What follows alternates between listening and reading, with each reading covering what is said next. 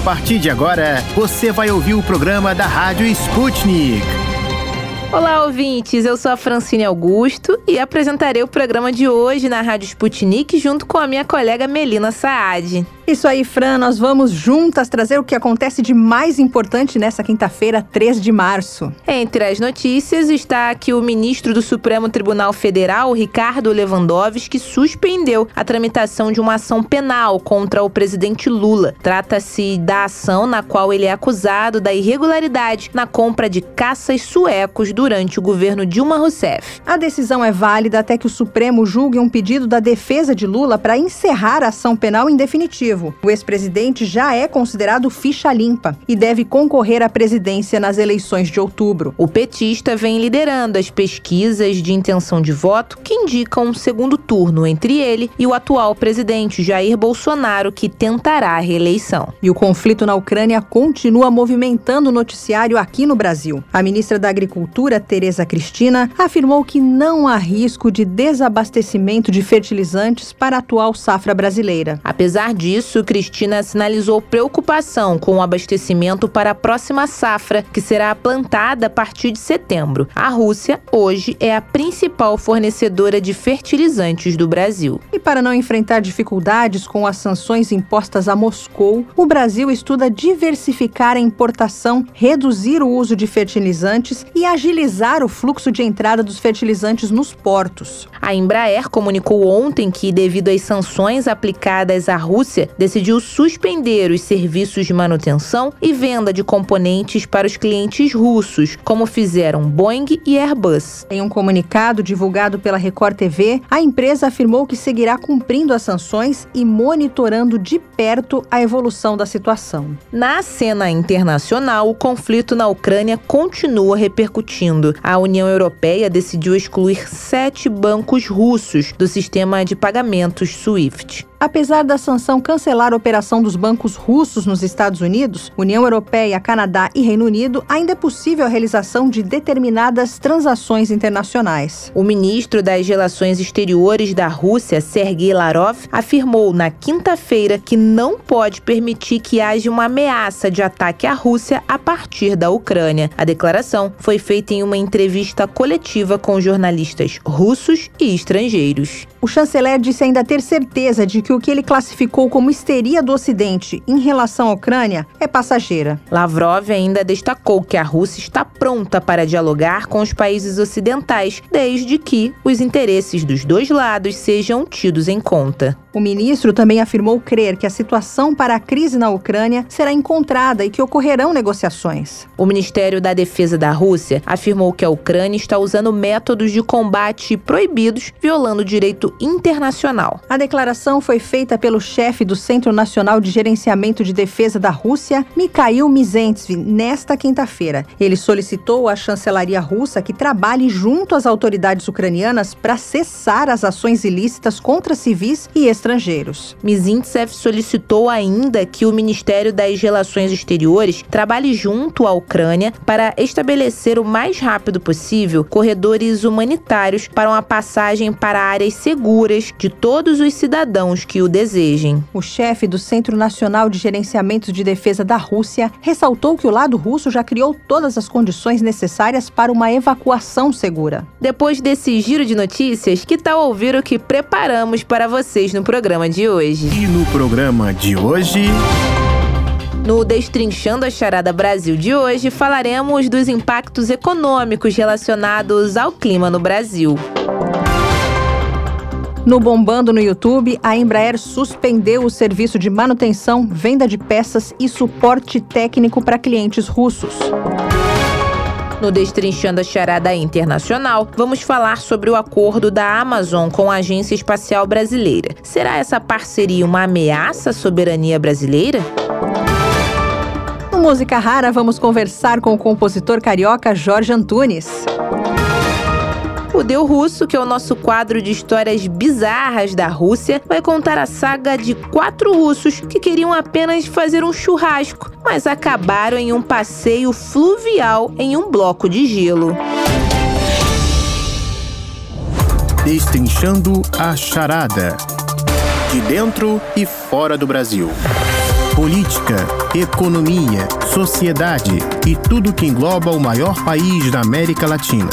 As charadas mais complicadas do Brasil são destrinchadas aqui Oi, ouvintes! No nosso Destrinchando a Charada Brasil de hoje, vamos falar sobre os impactos econômicos relacionados ao clima no Brasil. Fran, dados de um relatório da Organização das Nações Unidas mostram que o PIB per capita do país foi 13,5% menor entre os anos de 1991 e 2010 do que seria sem as mudanças climáticas. Na análise de um período maior, de 1961 a 2010, o PIB per capita do Brasil Brasil foi 24,5% menor, também por conta de fatores climáticos. Além dos prejuízos relacionados a eventos como chuvas, inundações e secas prolongadas, a economia brasileira também é impactada pelo clima no agronegócio e na geração de energia elétrica, baseada em hidrelétricas. Verdade, Melina. Inclusive, especialistas afirmam que se a emissão de gases de efeito estufa continuar em alta, a renda média no Brasil deve cair 83%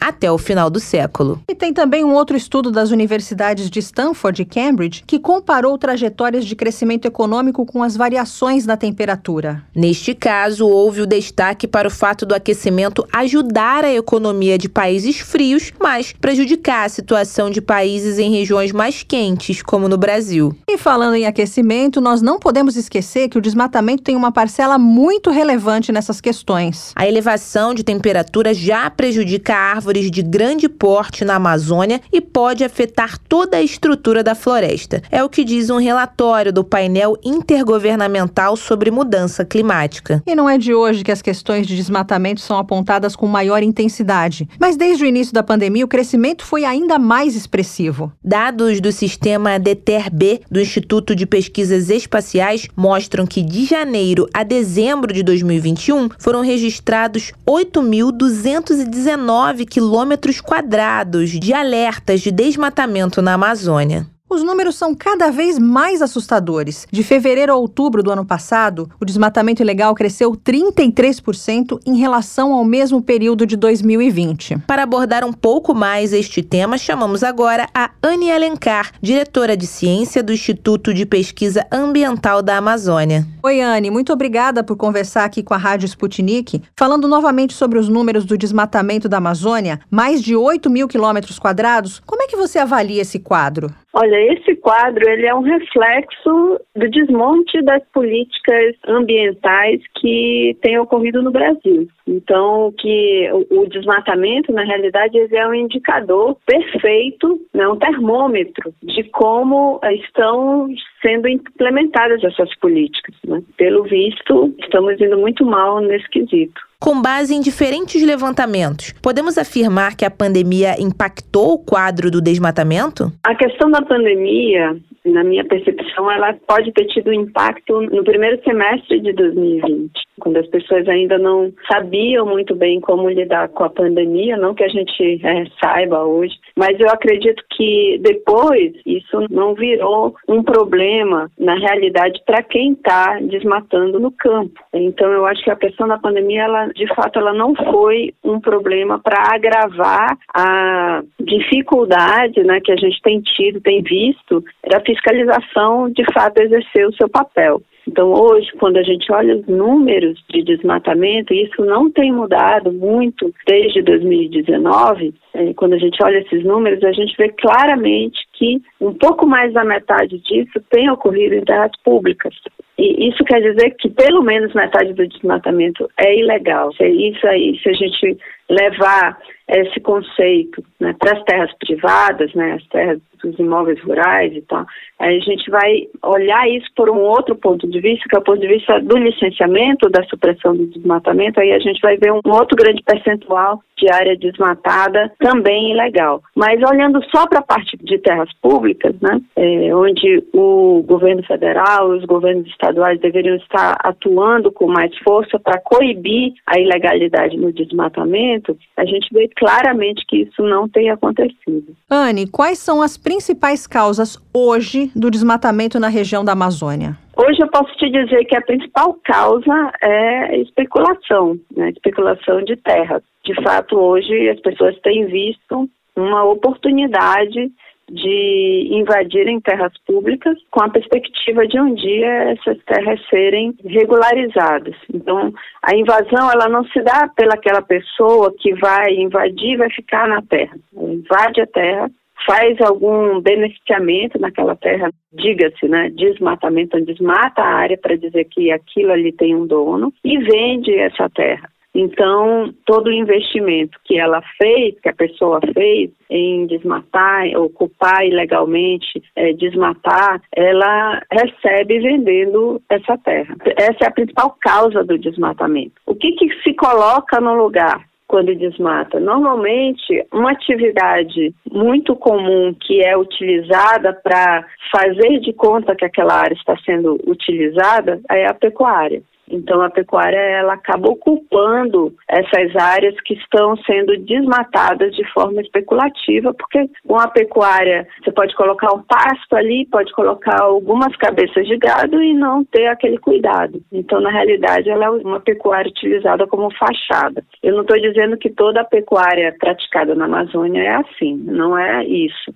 Né? Tem pessoas que de fato são pecuaristas e praticam né, a atividade pecuária para, enfim, ter seu sustento. Mas nessas áreas de ocupação recente, em terras públicas, né, a pecuária ela tem sido utilizada como uma atividade de fachada. O ano passado foi o terceiro ano com mais de 8 mil quilômetros quadrados de desmatamento, o que coincide com o mesmo período de Jair Bolsonaro na presidência. Na sua avaliação, faltou ação do governo para combater o desmate ilegal? De fato, quando a gente compara as estatísticas a partir de 2019 com as estatísticas antes de 2019, tem um aumento muito grande né, do desmatamento, é, se estabelecendo até em um novo patamar. E isso é um reflexo, de fato, da conduta do governo e os sinais que o governo tem, né, principalmente o governo federal, tem dado em relação às questões ambientais em geral. Então, isso tudo é um desmonte da estratégia de fiscalização. Além disso, ferramentas como, por exemplo, multas, embargos, né, elas foram enfraquecidas e desmontadas. Então, isso tudo influencia. E as pessoas percebem isso até no próprio sinal que as palavras do presidente passavam.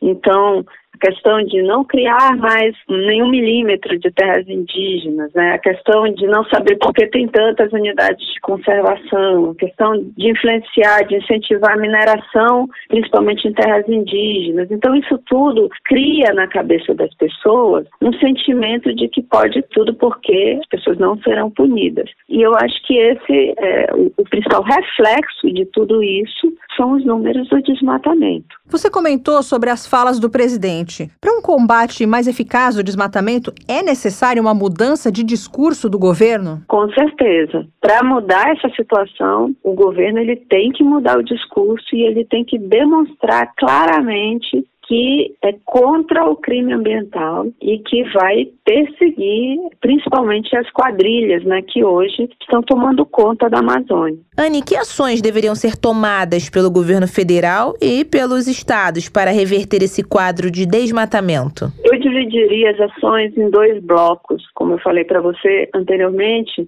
um pouco mais da metade, cerca de 54% do desmatamento tem ocorrido em terras públicas. Então esse desmatamento, ele tem que ser combatido com a força da lei, com a punição. E claro que vai ser difícil punir todo mundo, mas então o que, que precisa ser feito? É pegar, de fato, os peixes grandes. Então, algumas quadrilhas que estão ocupando a Amazônia de forma ilegal, com atividades ilegais, né, que estão fazendo ali, criando um elo entre especulação de terras, ocupação ilegal de terras, grilagem, com garimpos ilegais, com exploração madeireira ilegal, até com o narcotráfico, né? Então, desmantelar essas quadrilhas é fundamental e mostrar isso para o público. Então, a questão de trazer a opinião pública para o lado da governança ambiental é fundamental para também as pessoas notarem que está acontecendo alguma coisa, né? E aí isso acaba desestimulando aqueles que não estão diretamente ligados com essas quadrilhas, mas estão aproveitando o espaço que tem sido dado pela impunidade, na realidade. Então, essa é uma primeira parte né, que tem que ser realmente feita, que é a parte do comando e controle eficiente, inteligente. Uma segunda parte, ela diz respeito a questões mais de incentivos positivos para uma produção mais sustentável, com boas práticas. Isso significa trazer produtores rurais para um caminho de boas práticas mesmo e isso precisa de investimento. Então, eu acho que esses são os dois caminhos que nós temos para, de fato, fazer com que o desmatamento reduza bastante e a governança ambiental melhore, as boas práticas é, sejam mais realizadas e, de fato, a Amazônia ela volte ao caminho da sustentabilidade. Olha, esse ano é ano eleitoral e o desmatamento da Amazônia foi muito politizado nos últimos anos. O fato de ser ano eleitoral muda esse panorama? Qual é a perspectiva para 2022? Historicamente, os anos de eleição, eles são anos onde o desmatamento se eleva, porque os prefeitos às vezes fazem vista grossa, os governadores às vezes fazem vista grossa, enfim. E toda a energia, parece que toda a energia dos governos em geral acabam estando voltadas para as eleições. Então, isso é um futuro agravante. De fato, nós estamos muito apreensivos do que pode ser um momento como esse, onde o desmatamento pode crescer bastante, não só porque esses governos vão estar engajados numa campanha eleitoral, mas também pela possibilidade de haver uma mudança de rumo no governo federal e que vai prestar mais atenção para as questões ambientais. E isso dá um sinal para as pessoas que ainda querem continuar fazendo coisas erradas, que elas vão querer fazer muitas coisas erradas antes que esse governo acabe. Então, eu quero estar errada, mas minha percepção é que a gente pode ter um agravamento dos índices de desmatamento esse ano por conta da eleição. A análise destes dados é muito importante para termos a dimensão das perdas e o que está em jogo, não é mesmo, Melina? Olha, Fran, verdade. O impacto ambiental e econômico é gigantesco. Todos saem perdendo no fim das contas. Bom, conversamos com a Anne Alencar, diretora de ciência do Instituto de Pesquisa Ambiental da Amazônia. Anne, muito obrigada pela entrevista. E assim nós encerramos o Destrinchando a Charada Brasil de hoje. Até mais.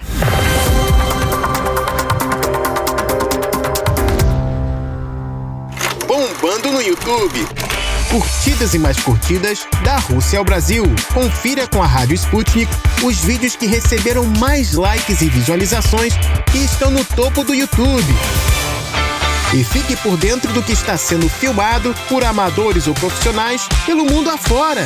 A gente vai agora para um dos momentos mais esperados, ouvinte. Isso mesmo, Fran. O Tito traz pra gente os cinco vídeos mais vistos e mais curtidos no YouTube nas últimas 24 horas. O Tito fala com a gente diretamente da Sputnik Brasil, em Moscou. Oi, Tito. Olá, queridos amigos da Rádio Sputnik. Eu sou Tito da Silva e estes são os vídeos que estão bombando no YouTube nesta quinta-feira, 3 de março. No primeiro vídeo de hoje, os Estados Unidos anunciaram sanções contra 22 entidades da indústria de defesa da Rússia. O objetivo das medidas é afetar a produção de aeronaves de combate, mísseis e outros produtos militares que armam as forças armadas da Rússia. De acordo com o Departamento de Defesa norte-americano, as sanções são uma forma dos Estados Unidos punirem a operação militar russa em curso na Ucrânia. Para saber mais detalhes, assista ao vídeo digitando Estados Unidos anunciam sanções de bloqueio contra a indústria de defesa da Rússia. No segundo vídeo de hoje, o conglomerado da Embraer anunciou a suspensão de serviços prestados a companhias aéreas russas que utilizam suas aeronaves, em particular a S7 Airlines, a segunda maior empresa de transporte de passageiros via aérea na Rússia, possui 16% de sua frota de aviões formada por aeronaves produzidas pela Embraer.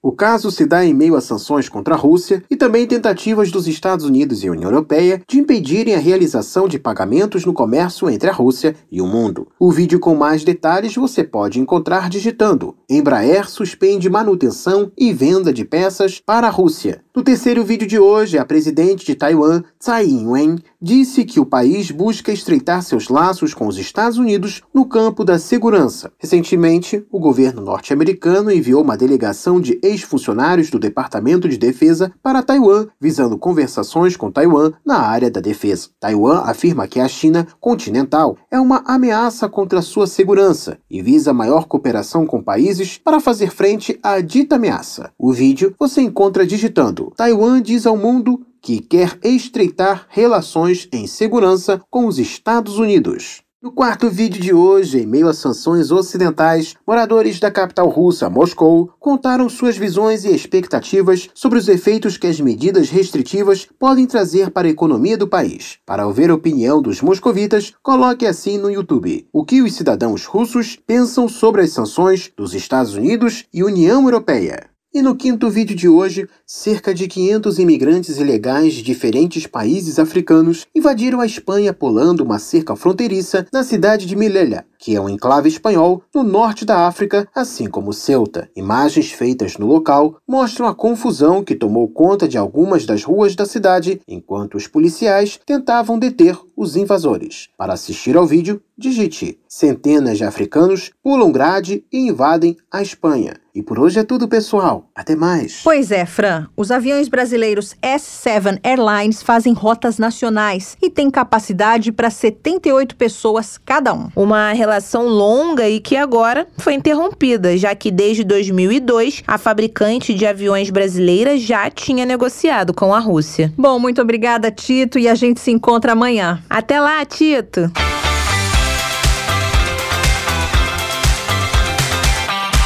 Destrinchando a Charada. Encruzilhada Internacional. Relações políticas, socioeconômicas e muito mais entre as nações deste mundão. Da Rússia aos Estados Unidos. Encontre com a gente as respostas às perguntas do momento. Olha, Fran e também queridos ouvintes, o assunto dessa quinta-feira é assim meio espinhoso, mas a gente vai explicar como sempre para que você entenda. Exatamente, Melina. Acredito que os nossos ouvintes já devem conhecer a empresa norte-americana Amazon, pioneira no e-commerce de livros e também conteúdo digital. Atualmente, a Amazon é uma das maiores empresas de tecnologia do mundo e hoje vende diversos produtos pela internet. Pois é, a Amazon Web Service, uma plataforma plataforma de computação em nuvem fechou um acordo de um termo de intenção estratégica e cooperação com a Agência Espacial Brasileira. O acordo, que é o primeiro firmado pela empresa na América Latina, vem dando o que falar. Nele, a Amazon se comprometeu a apoiar a inovação e também o crescimento da indústria espacial brasileira. Ou seja, em primeiro momento, parece ser um bom negócio, mas será mesmo? É isso que nós vamos tentar descobrir na entrevista de hoje, né, Fran? Essa iniciativa da Amazon acontece um mês depois da Anatel, a Agência Nacional de Telecomunicações, ceder o direito de exploração de satélite para Starlink, uma subdivisão da SpaceX, do bilionário Elon Musk. O embaixador brasileiro Nestor Foster Jr. chegou a comemorar a aproximação Brasil-Estados Unidos nessa área depois que aconteceu o acordo de utilização do centro de lançamento de Alcântara e o acordo Artemis, em que o Brasil foi incluído no rol de países que obedece diretrizes e boas práticas para a exploração do espaço. Agora, voltando a falar sobre a parceria Amazon Agência Espacial Brasileira, existem metas para o desenvolvimento tecnológico e econômico do espaço aéreo brasileiro, isso a longo prazo. Objetivos esses que devem ser alcançados por meio de iniciativas educacionais, econômicas e políticas que devem beneficiar o governo brasileiro, organizações espaciais comerciais brasileiras e startups focadas no espaço. E para falar desse tema difícil, a gente convidou o José Luiz Magalhães, que é membro da Comissão de Direito Aeronáutico da OAB, a Organização dos Advogados do Brasil. Seja bem-vindo e vamos direto ao ponto. Esse acordo pode ameaçar a nossa soberania e de que forma? A ideia da empresa do Bezos é trazer para o Brasil, para a América Latina, claro, no meio do Brasil, que tem uma plataforma já aeronáutica e aeroespacial também já bastante consolidada, é, meios, ferramentas, é, recursos, o termo mais correto seria esse aí, né? Recursos a nível de utilização de nuvem para que empresas possam desenvolver seus trabalhos a partir de uma plataforma segura, de uma plataforma muito eficiente e que traga, enfim, garantia e resultado. Então, quando a gente começa a abordar essa questão, a gente começa a ver que não é aleatório, não é a gente está abrindo o nosso espaço para uma empresa norte-americana e que, claro, possui não só um histórico, como também um acervo profissional gigante com relação à operação espacial. Então, no que diz respeito à ameaça de soberania, tá? e aí é, é um ponto que a gente precisa ter em mente, né? É difícil a gente responder isso com muita tranquilidade quando se fala de tecnologia. Tá? É evidente que esses sistemas eles são muito monitorados, mas isso faz parte de um processo privado, onde, claro, a empresa ela disponibiliza lá os seus meta-espaços, né, suas áreas, né, para que outras empresas ou outras instituições ou outras organizações até governamentais operarem mas segundo critérios de segurança que estão alicerçados em contratos. Então, quando a gente fala em soberania, claro que na primeira visão a gente entende, até porque a Agência Espacial Brasileira ela possui competência para isso, ela tem os órgãos, os setores próprios dela para esse tipo de avaliação, aonde vai ser pensado, sim, a questão de manutenção da soberania. O que, é que o Brasil tem a ganhar com isso, José? Primeiro, porque a gente está fazendo aí uma, celebrando um contrato junto a uma empresa que é, detém muito conhecimento, muitas inovações e também tem expertise com relação a essas operações espaciais. Nisso, o Brasil ele passa a depurar e a capitanear essas informações com a iniciativa privada que hoje já começa no Brasil a se interessar pelo ambiente espacial, pelos lançamentos espaciais. A plataforma empregada é, lá em Alcântara, ela tem uma posição, uma geolocalização que é extraordinária e além da questão da distância para a zona de gravidade zero, também tem a facilidade de arremesso, a posição da plataforma com relação ao planeta é muito favorável para o arremesso de equipamentos espaciais, enfim, lançamento de foguetes. Né? E quanto mais favorável é essa plataforma, menos se gasta em combustível. Então, esse mote da economia enfim, quanto se coloca de dinheiro numa operação dessa magnitude, precisa também estar associada a uma série de conhecimentos, a uma série de informações, não só é com ensaio de campo próprio, as operações espaciais realizadas pelo norte-americano e também dimensionadas, também depuradas pela Amazon, e que é, por meio de uma agência espacial, ou seja, com ali aquele carimbo de credibilidade, a gente consiga nacionalizar esse tipo de operação Claro, por meio de empresas. A gente não pode fazer isso utilizando, enfim, empresas públicas, etc., porque a dificuldade de se estar com a tecnologia de ponta no ambiente público é muito mais complexa do que no ambiente privado. O ambiente privado é dinheiro entrando e dinheiro saindo. Então, a título de ganho para o Brasil é alguma coisa simplesmente extraordinária. Agora, temos a contrapartida da empresa. O que a Amazon ganha com esse acordo? A Amazon ela possui uma experiência na América Latina e, sobretudo, no Brasil, principalmente em São Paulo, muito grande. Ela está sedimentada já em São Paulo, operando já há um tempo razoável, então ela tem uma expertise dos nossos modelos de negócio e também das nossas necessidades, sobretudo nesses ambientes, tanto no ambiente de plataforma, de inteligência artificial, de cloud, essa coisa toda, né? E também na parte de operação, de operacionalização veículos lançadores de satélite, né, VLS. Com isso, né, a Mason ela começa a puxar para ela uma fatia de mercado monumental. Poxa, a América Latina é uma fração considerável de operadores e que naturalmente vão se cambiar seus negócios para esse tipo de operação. E, e, ela possuindo a chancela da Agência Espacial Brasileira é um ganho enorme para a empresa a título de credibilidade, tá? E com isso também ela passa a ser uma operadora, uma focal point, né, norte-americana inserida e acreditada no Brasil, aonde claro suas parceiras norte-americanas também vão ter as suas oportunidades. Né? Eu volto a dizer, isso tudo muito bem diagramado. Os contratos dessa natureza não são contratos aleatórios. Eles são contratos com diversas cláusulas de segurança e que buscam preservar, sobretudo, né, a indústria nacional. E até porque já existe indústria nesse sentido. São José dos Campos é um polo que está muito envolvido né, com, nessa direção, né, é operando muito com esse tipo de entendimento que essa acreditação da Amazon vai ser bastante importante também nesse processo de desenvolvimento das empresas daqui. No primeiro momento, entende-se né, que é uma relação de ganha-ganha. No papel, a iniciativa promete trazer grandes retornos ao Brasil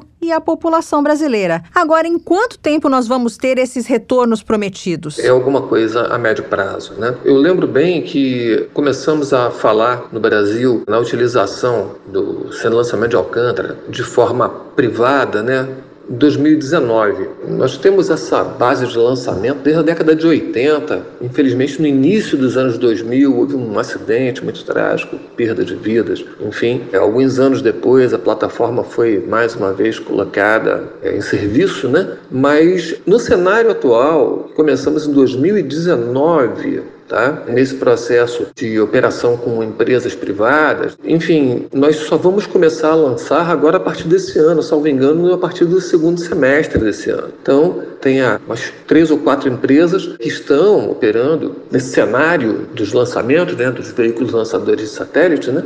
E é, você vê, começou a discussão em 2019, né, enfim, foram tomadas providências, a gente tem uma série de legislações que precisam ser refinadas, e é agora, segundo semestre de 2022, que a gente começa a efetivamente ter os lançamentos. Aí, o que, que eu posso te dizer com uma certa segurança com relação a, ao retorno, o retorno financeiro disso? Ele é a médio prazo, sim. Ele é certo, sim exceto se houver uma tragédia, uma coisa nesse sentido. E em caso de dúvida, é só você verificar todos os países que fazem operações de lançamento. Nós temos aqui Guiana Francesa, temos um centro de lançamento francês que gera uma verdadeira fortuna. Mas ele, além da posição geográfica ser muito favorável, o nosso é melhor. O centro de lançamento de Alcântara é muito melhor do que o centro de lançamento da Guiana Francesa. Ele tem a vantagem de ser abastecido com tecnologia europeia. E nós precisamos do amparo de informações externas, que é o caso aí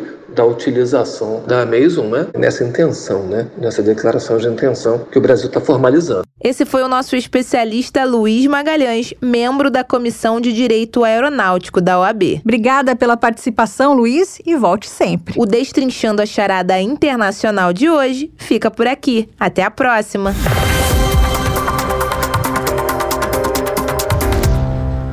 Siga Sputnik Brasil no Twitter para sempre estar por dentro das notícias mais importantes do momento. Mistura do Brasil com Moscou. A mistura agora é com a Rússia e a coreografia já está pronta. Com os gingados russos e brasileiros, as relações estão em sintonia entre estes dois gigantes. Em parceria com o projeto Música Rara Brasileira, a Rádio Sputnik tem o prazer de anunciar a obra Ritual de Momo do compositor carioca Jorge Antunes para piano solo, executada pela pianista Ioana Georgieva em Sofia, na Bulgária, em fevereiro de 2021. Jorge Antunes é pioneiro da música eletrônica no Brasil e é também o nosso convidado do programa de hoje. Olá, Jorge, seja muito bem-vindo à Rádio Sputnik. Para começar, o senhor poderia nos contar um pouco da sua trajetória na música? Comecei a estudar música um pouco tarde, somente aos 14 anos comecei a estudar. Na minha família não havia nenhum músico. Meu pai era antiquário, pintor, acadêmico e minha mãe estudou um pouco de piano, mas não tocava mais. Meu pai tinha uma maravilhosa, rica discoteca de música clássica. Então, em casa, eu estava acostumado a ouvir música clássica. Eu era apaixonado pela obra do espanhol Pablo Sarasate, as peças famosas dele para violino. E desde pequeno, desde os oito, sete anos de idade, eu pedia a meu pai para comprar um violino que eu queria começar a estudar violino. Mas isso só veio a se concretizar cerca de sete anos depois, aos 14 anos, porque família pobre, meu pai antiquário, chegou um momento em que ele conseguiu trocar um lampião antigo por um violino e me presenteou com esse violino e comecei a estudar. Fui matriculado numa escola de música particular e comecei a estudar violino. E com alguns meses, uns seis meses de estudo de violino, sete, oito meses mais ou menos, comecei a compor, inventar melodias no violino, improvisando. Um ano depois, ingressei na escola de música da Universidade do Brasil, atual Universidade Federal do Rio de Janeiro, e comecei a estudar violino com o professor Carlos de Almeida. Minhas primeiras composições aí nessa época eram bastante influenciadas pelo próprio Carlos de Almeida, que era um compositor seresteiro, bem carioca, e também por Vila Lobos. E o que, que inspirou a composição Ritual de Momo? O carnaval esteve muito presente na minha infância. No meu bairro, onde eu nasci, onde vivi até os 20 anos de idade, Santo Cristo, no Rio de Janeiro, nesse bairro havia um bloco carnavalesco chamado Bloco de Sujo, né? O nome dele era o bloco Fala Meu Louro. E eu ficava encantado de ver o desfile do bloco, os ritmos das batucadas, e aquela polirritmia rica de um naipe de tambores, tarol, tamborim, etc. E eu cheguei, garoto, aos nove anos, por aí, dez anos, tocar um tambor nesse bloco. Então, Ritual de Momo foi uma peça que eu compus em 1962, um ano depois de eu ter iniciado minhas pesquisas como precursor no Brasil na área de música eletrônica. Minha primeira peça eletroacústica eu a compus em 1961, um ano antes do Ritual de Momo. E claro, desde 58 eu já tinha peças para piano solo, violino e piano, canto e piano. E Ritual de Momo tenta justamente recuperar aquela minha experiência na infância de participação, não exatamente como um carnavalesco, mas como um admirador de uma batucada. Então, nessa peça, já influenciado pela música eletroacústica que eu já começara a fazer, tento criar algumas sonoridades típicas de um bloco carnavalesco, bem onomatopaicas, bem imitativas, como o de um apito, de um baixo repetitivo, contínuo, coisa que me atraía muito na época, porque na música eletroacústica que eu fazia, eu usava muito o que eu chamava de fita fechada, que os americanos e ingleses chamam de loop e os franceses chamam de boucle, aquela repetição contínua de um fragmento sonoro. Essa obra também marcou a história da Escola de Música da UFRJ. Pela primeira vez, uma peça de um estudante foi incluída no programa oficial de ensino de piano da instituição. Poderia falar sobre esse momento e o que significou para a sua carreira? Realmente, com essa peça Ritual de Momo, aconteceu um fato inusitado, porque vale lembrar, é importante lembrar que essa peça eu escrevi como um compositor autodidata. Eu era um simples estudante de violino em 62. A composição musical, curso formal, eu só comecei a fazer em 1964 quando ingressei no curso de composição da Escola de Música simultaneamente ao curso de violino. Na época, o diretório acadêmico da escola, o centro acadêmico, promovia uns concertos para a apresentação de composições dos alunos da escola. Eram os chamados festivais de novíssimos. O primeiro festival de novíssimos aconteceu justamente por aí, 1962-63. E no festival de novíssimos de 1963 foi programada essa minha peça, Ritual de Momo. E presente no camarote especial da direção da escola estava a diretora da escola, na época, a maestrina Joanídia Sodré. E depois da apresentação da peça, a professora Joanídia mandou me chamar, mandou um secretário dela me chamar. E ela me disse que tinha adorado a peça sob o ponto de vista estético, da escrita musical, do estilo, da técnica pianística usada e que queria adotar a peça no programa oficial da Escola de Música. E isso veio acontecer, né? Aconteceu na sessão do Conselho Departamental do dia 8 de novembro de 1963 2003, a professora Joanídia apresentou a proposta e foi aprovada. Foi aprovada e classificada para o sexto ano do curso básico de piano da escola de música. Esse acontecimento foi uma bomba na escola, né? Porque vários professores que eram compositores não tinham peças suas classificadas oficialmente no programa da escola. Isso vinha acontecer com a peça de um aluno autodidata que ainda não tinha começado a estudar formalmente a composição musical. Ganhei muitos admiradores e muitos inimigos, né? Claro. Enquanto pioneiro em música eletrônica no Brasil, que inspirações desse gênero estão presentes em Ritual de Momo? Realmente, algumas ideias que eu coloquei nessa peça, em Ritual de Momo, são oriundas da minha experiência com a música eletroacústica, cuja prática iniciei um ano antes. Por exemplo, a imitação da envolvente do perfil de um toque de apito de escola de samba, com sequência de notas bastante fora da tonalidade principal, o ostinato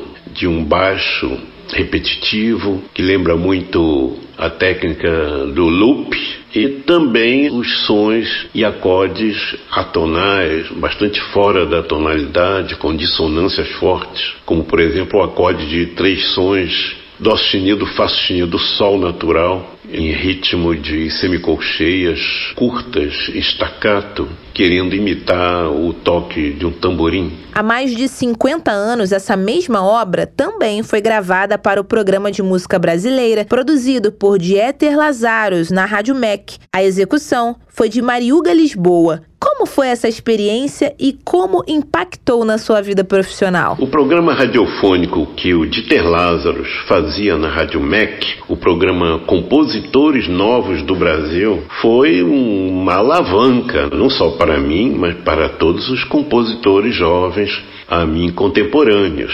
Realmente eu diria que essa possibilidade, essa difusão de obras de jovens compositores na Rádio MEC naquela época foi muito importante e impactou bastante o início de nossa atividade profissional na área. Nesse ano, a sua obra Valsa Sideral, a primeira música eletrônica feita no país, completa 60 anos. Poderia falar um pouquinho sobre essa composição e sobre a importância da música eletrônica para você e também para o Brasil? Eu considero um acontecimento importante, modéstia à parte, porque Valsa Sideral foi a primeira obra eletroacústica feita no Brasil por um brasileiro usando somente sons eletrônicos. A música eletrônica, na época no Brasil, era totalmente desconhecida. Né?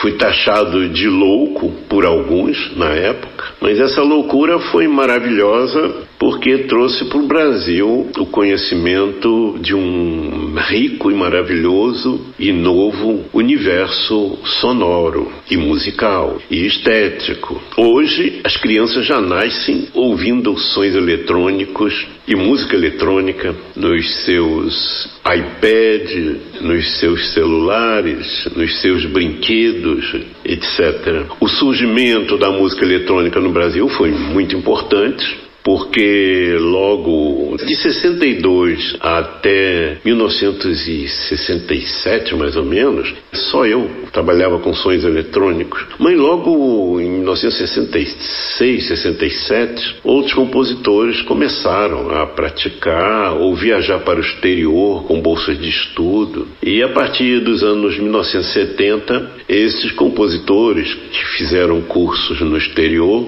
acabaram voltando para o Brasil ingressando nas nossas universidades e aí, nas universidades, implementando, iniciando, inaugurando cursos e laboratórios de música eletrônica. Isso foi muito bom porque projetou o Brasil no exterior, não é? O Brasil era que era conhecido somente pelas obras de Vila Lobos, passou a participar de festivais bastante importantes no exterior, com sua música, com a nova música brasileira, eletrônica, etc. Outro fato muito importante é que o trabalho com os sons eletrônicos de laboratório, trabalho de montagem, mixagem, criação de novos timbres, isso acabou influenciando a mim e a outros no trabalho com a orquestra. Passamos, eu especialmente, particularmente, passei a usar bastante novos modos de execução nos instrumentos da orquestra, novas combinações orquestrais, orquestração, instrumentação, imitando as sonoridades eletrônicas. E isso foi muito importante para o avanço da linguagem musical. Jorge, agradecemos muito por conversar com a gente a respeito da sua composição Ritual de Momo. Um forte abraço e nós esperamos recebê-lo aqui mais vezes na Rádio Sputnik. Lembrando, ouvintes, que a obra Ritual de Momo, do compositor carioca Jorge Antunes, vai ser publicada nesta sexta-feira, 4 de março, no canal do Zenon Instituto Cultural no YouTube, a partir das 15 horas. Ou seja, entrando no canal do Zenon Instituto Cultural a partir das 15 horas, ouvintes, vocês vão poder ouvir essa composição na íntegra. Antes, é claro, nós deixamos com vocês um trechinho dessa obra que nós trazemos com exclusividade.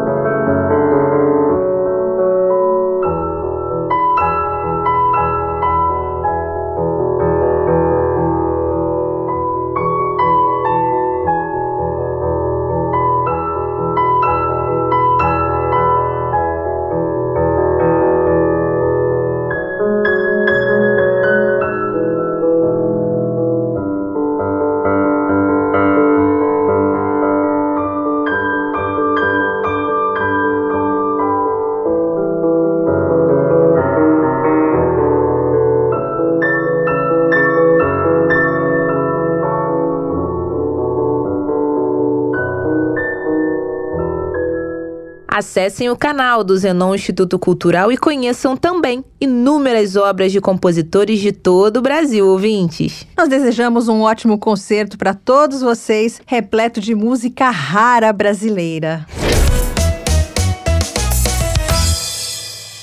Os vídeos mais esperados estão disponíveis no nosso canal no YouTube. Para encontrá-lo é fácil. É só buscar Sputnik Brasil no YouTube, aproveitar as imagens e ainda se informar.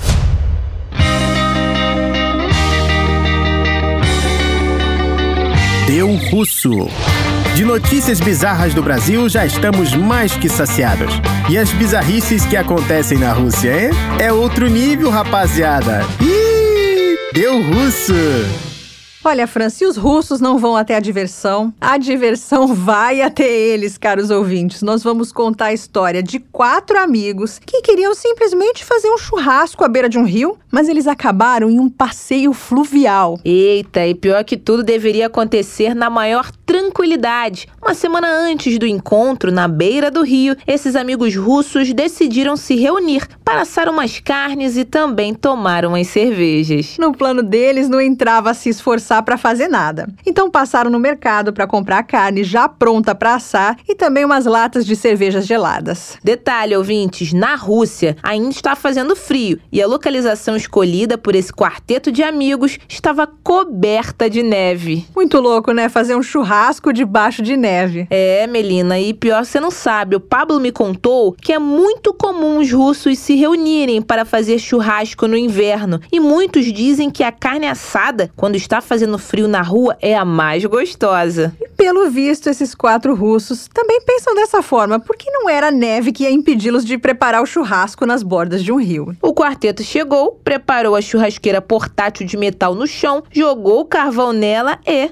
acendeu o fogo. Enquanto um preparava a churrasqueira, outro ia colocando a carne em espetos para a sala. Mas e os outros dois estavam ocupados demais tomando umas cervejinhas. Acontece que, com a carne já assando na churrasqueira, o chão que estava coberto de neve, escolhido pelo quarteto, não era bem chão. Na verdade, não passava de uma fina camada de gelo. Com o peso desses quatro russos, o gelo foi trincando, o que fez com que um bloco de gelo se partisse e fosse levado pela correnteza. Daí a diversão começou, caros ouvintes. A carne assando, a cerveja gelada e a impossibilidade de sair do bloco de gelo fizeram com que os quatro russos se contentassem com o destino. E era aí para onde as águas levassem. E para que perder tempo tentando sair do bloco de gelo se a carne já estava quase pronta e umas latinhas de cerveja estavam garantidas, não é mesmo, ouvintes? Mas nem todos os integrantes do quarteto ficaram bem da vida. Um deles começou a se preocupar de ir parar nos cafundós do brejo. Se preocupou tanto que decidiu pular na água e detalhe, estava congelante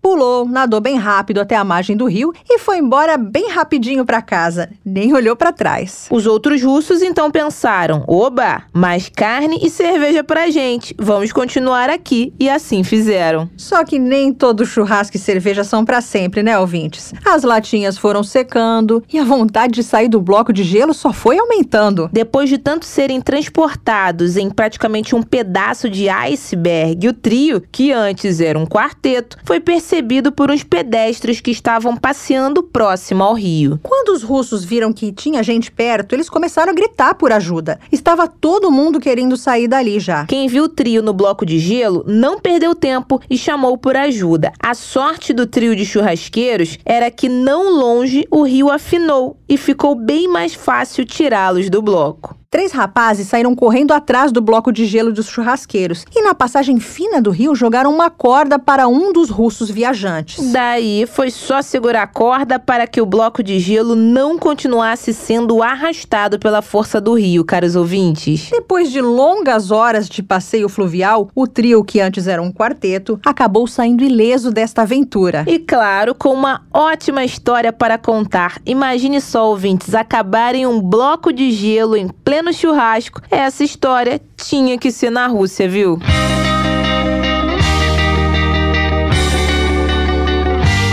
Fran, eu vou fazer uma pergunta para você e eu espero uma resposta sincera, hein? Você sabe o que é caviar? Resposta sincera, mas nem tão original. Vou ter que copiar a frase do grande Zeca Pagodinho, porque eu nunca vi nem comi, eu só ouço falar. E outra coisa que eu ouço muito é que o caviar russo é muito bom, viu? Nossa, eu também ouvi falar do quão gostoso é o caviar russo, tanto vermelho quanto o preto. Detalhe, caviar preto é um dos mais caros ouvintes, ou seja, né, é um aperitivo caro, então podem ter certeza que eu nunca provei, mas eu tenho vontade. Morro morro de vontade de provar também, Melina. Para quem não sabe, o caviar preto é justamente a ova que ainda não foi fertilizada do peixe beluga, também conhecido como esturjão. O esturjão, depois do tubarão-baleia, é o maior peixe de água salgada do mundo. Então dá para entender a dificuldade que é conseguir fisgá-lo e de conseguir encontrar nele as ovas no estado perfeito para venda. Outro detalhe, ouvintes, o caviar beluga era apreciado por famílias reais. Então, não é todo todo mundo que tem a chance de provar esse caviar. Nem todo mundo, vírgula, pois tem um gatinho russo que adora caviar preto. E a dona dele não perde a chance de mimá-lo. Uma vez por semana, Olga sai para passear com seu gatinho e não é qualquer passeio não, viu, caros ouvintes? Pois é, a Olga adora levar o bichano para restaurantes caríssimos de Moscou. E essa russa não economiza na hora de pedir comida para o seu animal de estimação. Como nos restaurantes moscovitas não há cardápios para gatos, Olga sabe muito bem o que pedir. É salmão,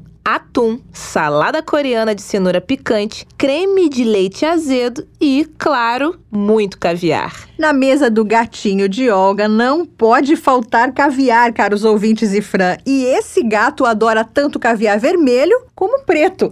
Bom gosto esse gatinho. A tradição de Olga de passear com o gatinho já está inclusive virando moda entre as amigas que têm bichanos. Elas agora se reúnem com os gatinhos e pedem muita comida para eles nos restaurantes da alta sociedade moscovita. E deixam os outros clientes esperando horas e horas para receber seus pedidos, pois as donas dos gatinhos fazem questão que os pratos deles sejam preparados com todo o cuidado. E que os pratos sejam bonitos para postar fotos nas contas dos gatinhos no Instagram do que eles comeram no dia de passeio, claro. E aí, Fran, será que essa moda pega no Brasil? Eu sei que existem algumas cafeterias aqui no Rio de Janeiro e em São Paulo que têm gatos em seus ambientes. Agora, Melina, liberar restaurantes restaurantes que não são para os gatos para entrar com os bichanos esse daí eu não sei não, viu? Aliás, as cafeterias de gatos são muito populares por toda a Europa e na Rússia não ia ser diferente. Pelo visto, caros ouvintes, chegou a hora dos restaurantes caros de Moscou criarem cardápios para gatos também, porque toda dona que se preze adora agradar os bichanos com muito peixe e caviar. É, a Olga tá aí para comprovar. E quem vai votar a favor da criação de cardápios para gatos é o animal de estimação dela, que gasta muito com comida. E por isso ele se sente no direito de ter um cardápio com uma cara felina nos restaurantes de Moscou.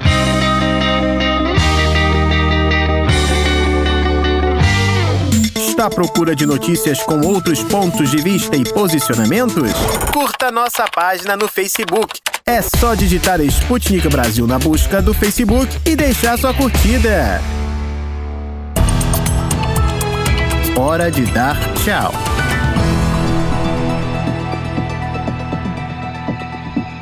Ouvintes, passou muito rápido. O programa desta quinta-feira, 3 de março, já acabou. É, Fran, eu sei que os nossos ouvintes vão sim continuar ligados em toda a nossa programação. E para isso, basta dar uma passadinha no site da Sputnik Brasil, br.sputniknews.com, para conferir as notícias do momento. Lembrando que temos também nosso canal Sputnik Brasil no YouTube. Não dá para perder, né? Lá nossos ouvintes encontram os vídeos dos assuntos mais importantes importantes do momento, tanto aqui no Brasil como no resto do mundo. Fiquem ligados também nas informações sempre atualizadas no Twitter e no Telegram da Sputnik Brasil. Bom, por hoje é só. Aguardamos vocês para o nosso próximo encontro. O programa da Rádio Sputnik teve a apresentação, produção e edição de texto de Luísa Ramos, minha, Melina Saad, e da Fran Augusto, e produção de conteúdos e edição de textos de Tito da Silva e Pablo Rodrigues. A edição e a montagem do programa são de Wellington Vieira e David Costa. A produção geral Federal, no Rio de Janeiro, é do Everton Maia e da Angélica Fontela. E o editor-chefe da redação da Sputnik Brasil no Rio de Janeiro é o Renan Lúcio e em Moscou, Konstantin Kuznetsov.